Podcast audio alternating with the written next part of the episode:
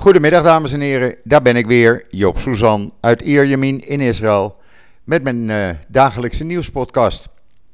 Ja, het is tweede dag Rosh Hashanah in, uh, voor de Joodse wereld en in Israël wordt dat natuurlijk speciaal uh, gemerkt. Want ja, alles is dicht, twee dagen, niet winkelen, meeste restaurants dicht. Mensen zijn uh, of op familiebezoek gegaan of uh, ze gaan de natuur in. De nationale parken staan vol met mensen. Uh, de campings staan vol. De stranden zijn vol. Want ja, het weer in Israël, het is 34 graden opnieuw. Het is gewoon heerlijk. En iedereen geniet er ook van. En dan is het morgen nog één dagje voor niet al te veel mensen werken. En dan begint het weekend natuurlijk op vrijdag. Maar ja, eh, zoals ik u zondag al zei, voor ons in de familie is Rosh Hashanah niet meer het nieuwjaarsfeest zoals het bedoeld is. Ik had u dat zondag al meegedeeld dat eh, toen de Joodse datum was, dat mijn eh, eh partner overleed.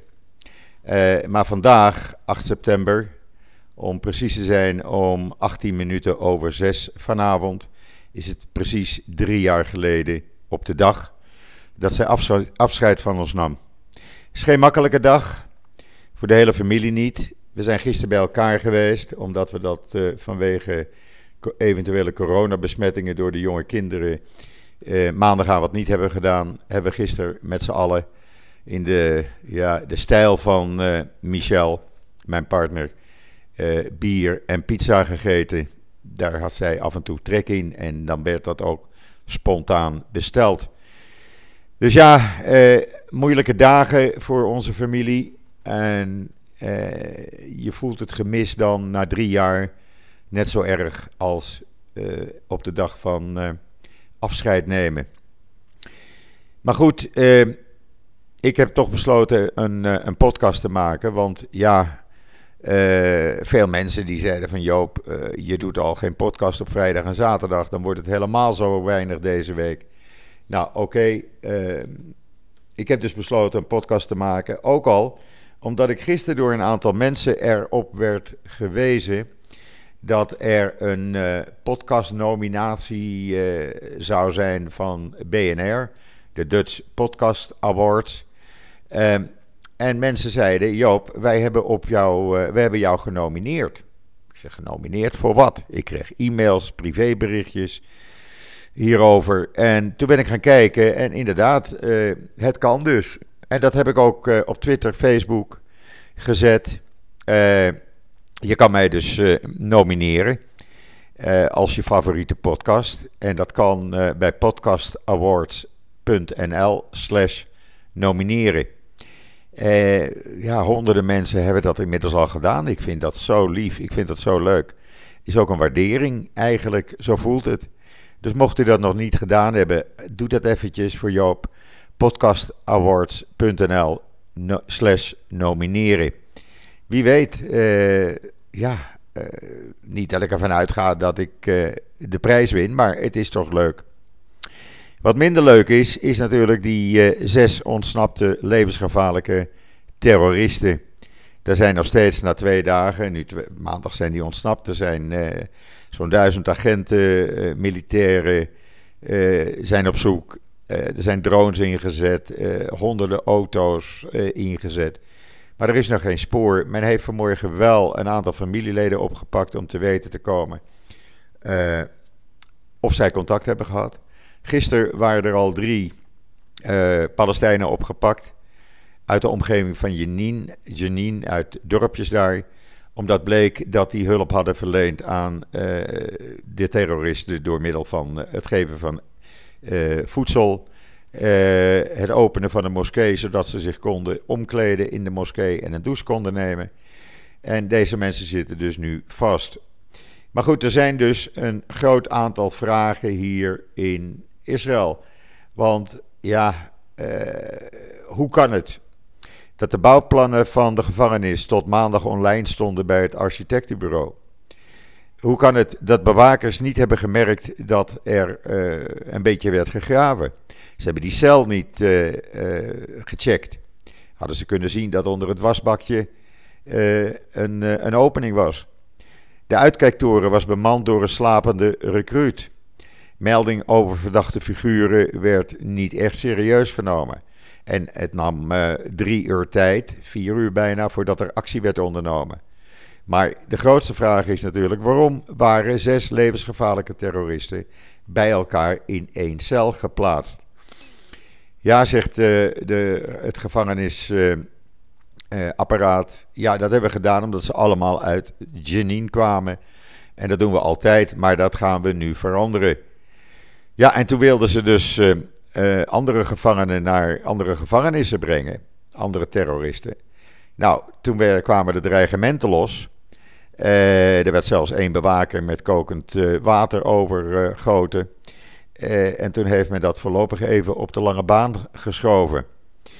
Maar als je dan kijkt naar het tijdschema, om 1 uur 49 werd er een, een oproep ontvangen bij de politie van een taxichauffeur die tijdens het uh, rijden uh, verschillende van deze terroristen had gezien met objecten in hun hand. Hij belde naar de hotline 100.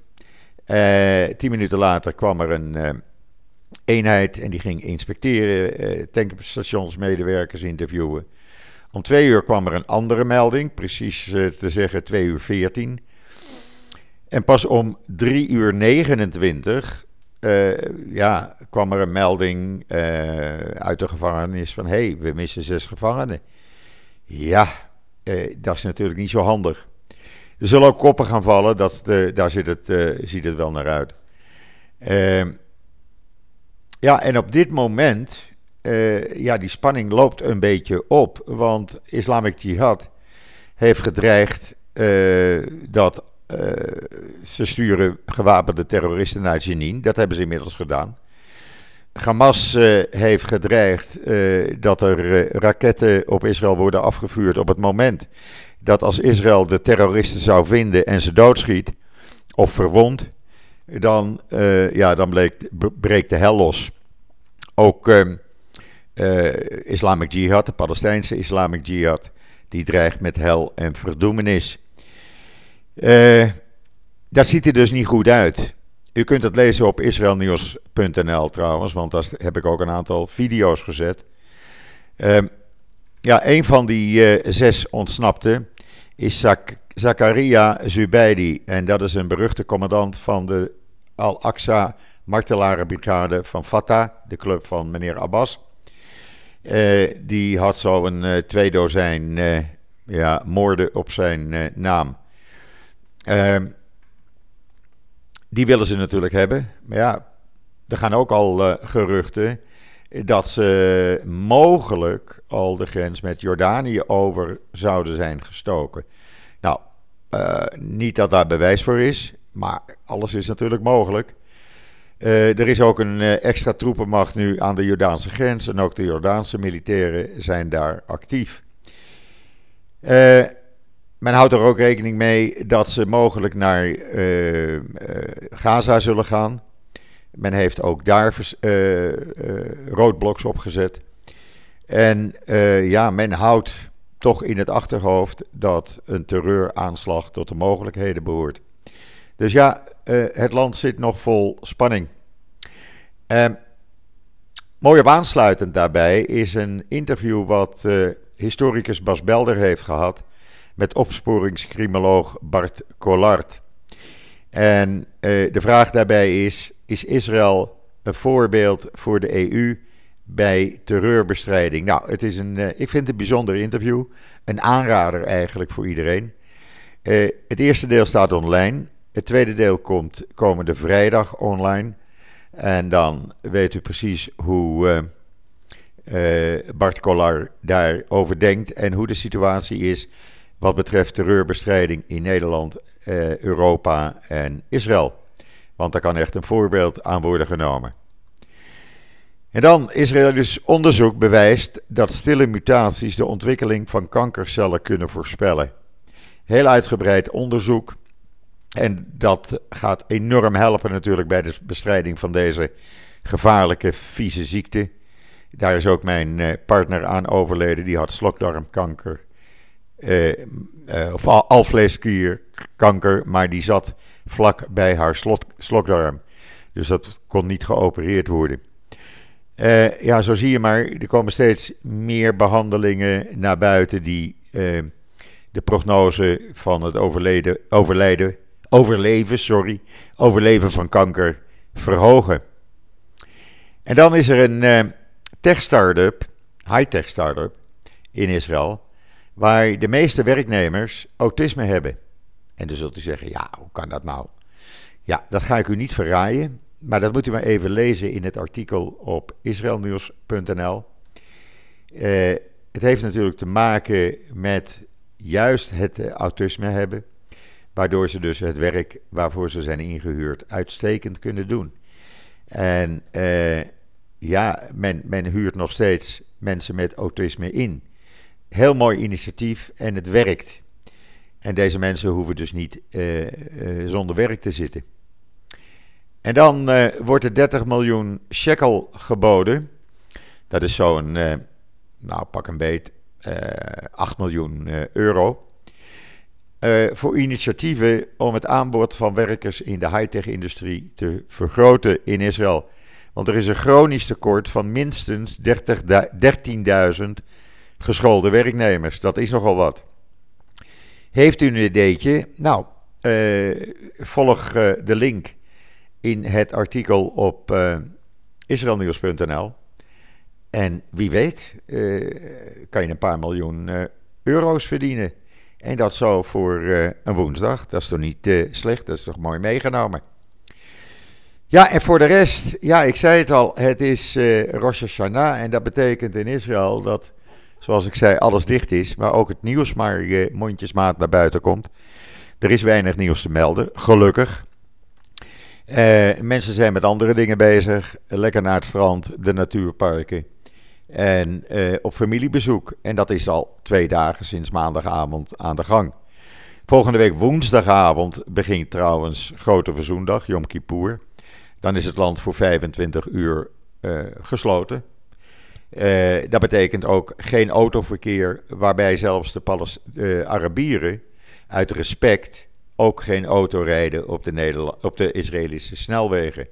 En uh, ja, dat is anders als dat u in Nederland denkt. Men respecteert elkaar. Israëli's respecteren de Arabische, de moslimfeestdagen. En de moslims respecteren de Joodse feestdagen en rijden dan ook geen auto op de Israëlische wegen. Wel in hun eigen buurten. Nou, daar heeft niemand natuurlijk een probleem bij. Maar dat is dan volgende week. En een week daarna uh, begint Sukkot, het uh, loofhuttenfeest, wat acht dagen duurt. Dus u begrijpt, er zijn enorm veel vrije dagen altijd in een periode van zo'n 3,5, 4 weken in Israël. Uh, de scholen dit jaar, in deze maand, hebben maar zes volle schooldagen in de hele maand, want de rest hebben ze vakantie. En er gaan ook veel mensen naar het buitenland. Vooral Italië is in trek, Midden- en Zuid-Italië. Daar uh, zijn weinig besmettingen. Israëli's zijn daar van harte welkom. En er vertrekken gewoon de komende tijd tienduizenden Israëli's naar Italië. Uh, ja, waarom ook niet? Ik bedoel, je hoeft er eigenlijk maar weinig vrije dagen voor opnemen. En je hebt gewoon een paar weken vakantie met drie, vier vrije dagen opnemen. Dat is natuurlijk het mooiste wat er is. En voor de rest, ja, het blijft natuurlijk bijzonder er is een bepaalde rust over het land die je in geen enkel ander land vindt. Met Rosh Hashanah, het is stil. Uh, er rijdt verkeer, natuurlijk rijdt er verkeer. Maandagavond, uh, voordat het uh, Joods nieuwe jaar begon, stonden de autowegen barstensvol. En ook s'nachts, toen de mensen weer naar huis gingen, stonden de mensen in de file. Ja, midden in de nacht op de belangrijkste snelwegen. Want iedereen gaat zo'n beetje op dezelfde tijd beginnen met eten.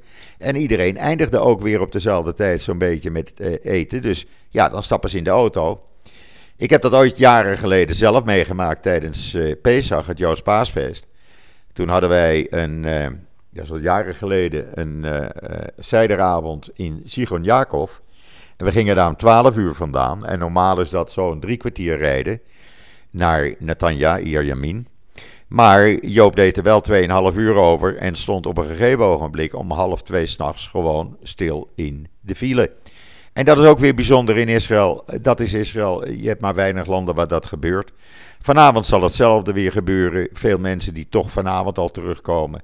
Anderen zullen zaterdagavond terugkomen. En dan staan de wegen ook weer barstensvol. Het mooie is, er kan twee dagen niet gewinkeld worden. Nou, dat hebben we maandag, maandag geweten, want de winkels waren tot drie uur open. En die canyon bij mij, nou, daar was geen parkeerplaats in de hele wijde omgeving meer te vinden. Want iedereen moest nog eventjes gauw die, dat winkelcentrum in. Waarom? Ik heb geen flauwe notie. Eh, misschien eh, omdat ze even moesten afkicken. En dat ze dachten van nou, als we nou nog even gaan, even een paar uur er doorheen in dat winkelcentrum, dan kunnen we er in ieder geval twee dagen zonder. Maar dat gebeurt. En ze gaan dus, eh, ja, morgen eigenlijk weer open. Vanavond heeft dat helemaal geen nut. En morgen gaan ze weer open. Wat ook mooi was, gisteren werd de chauffeur gewoon op straat geblazen door mensen die langs de buurten door de straten liepen. En de tonen, de honderd tonen van de chauffeur bliezen. Dat is prachtig. Uh, en dan, uh, ja, dan voel je toch wel de bijzonderheid van het leven hier in Israël. Goed, dat was het even voor vandaag.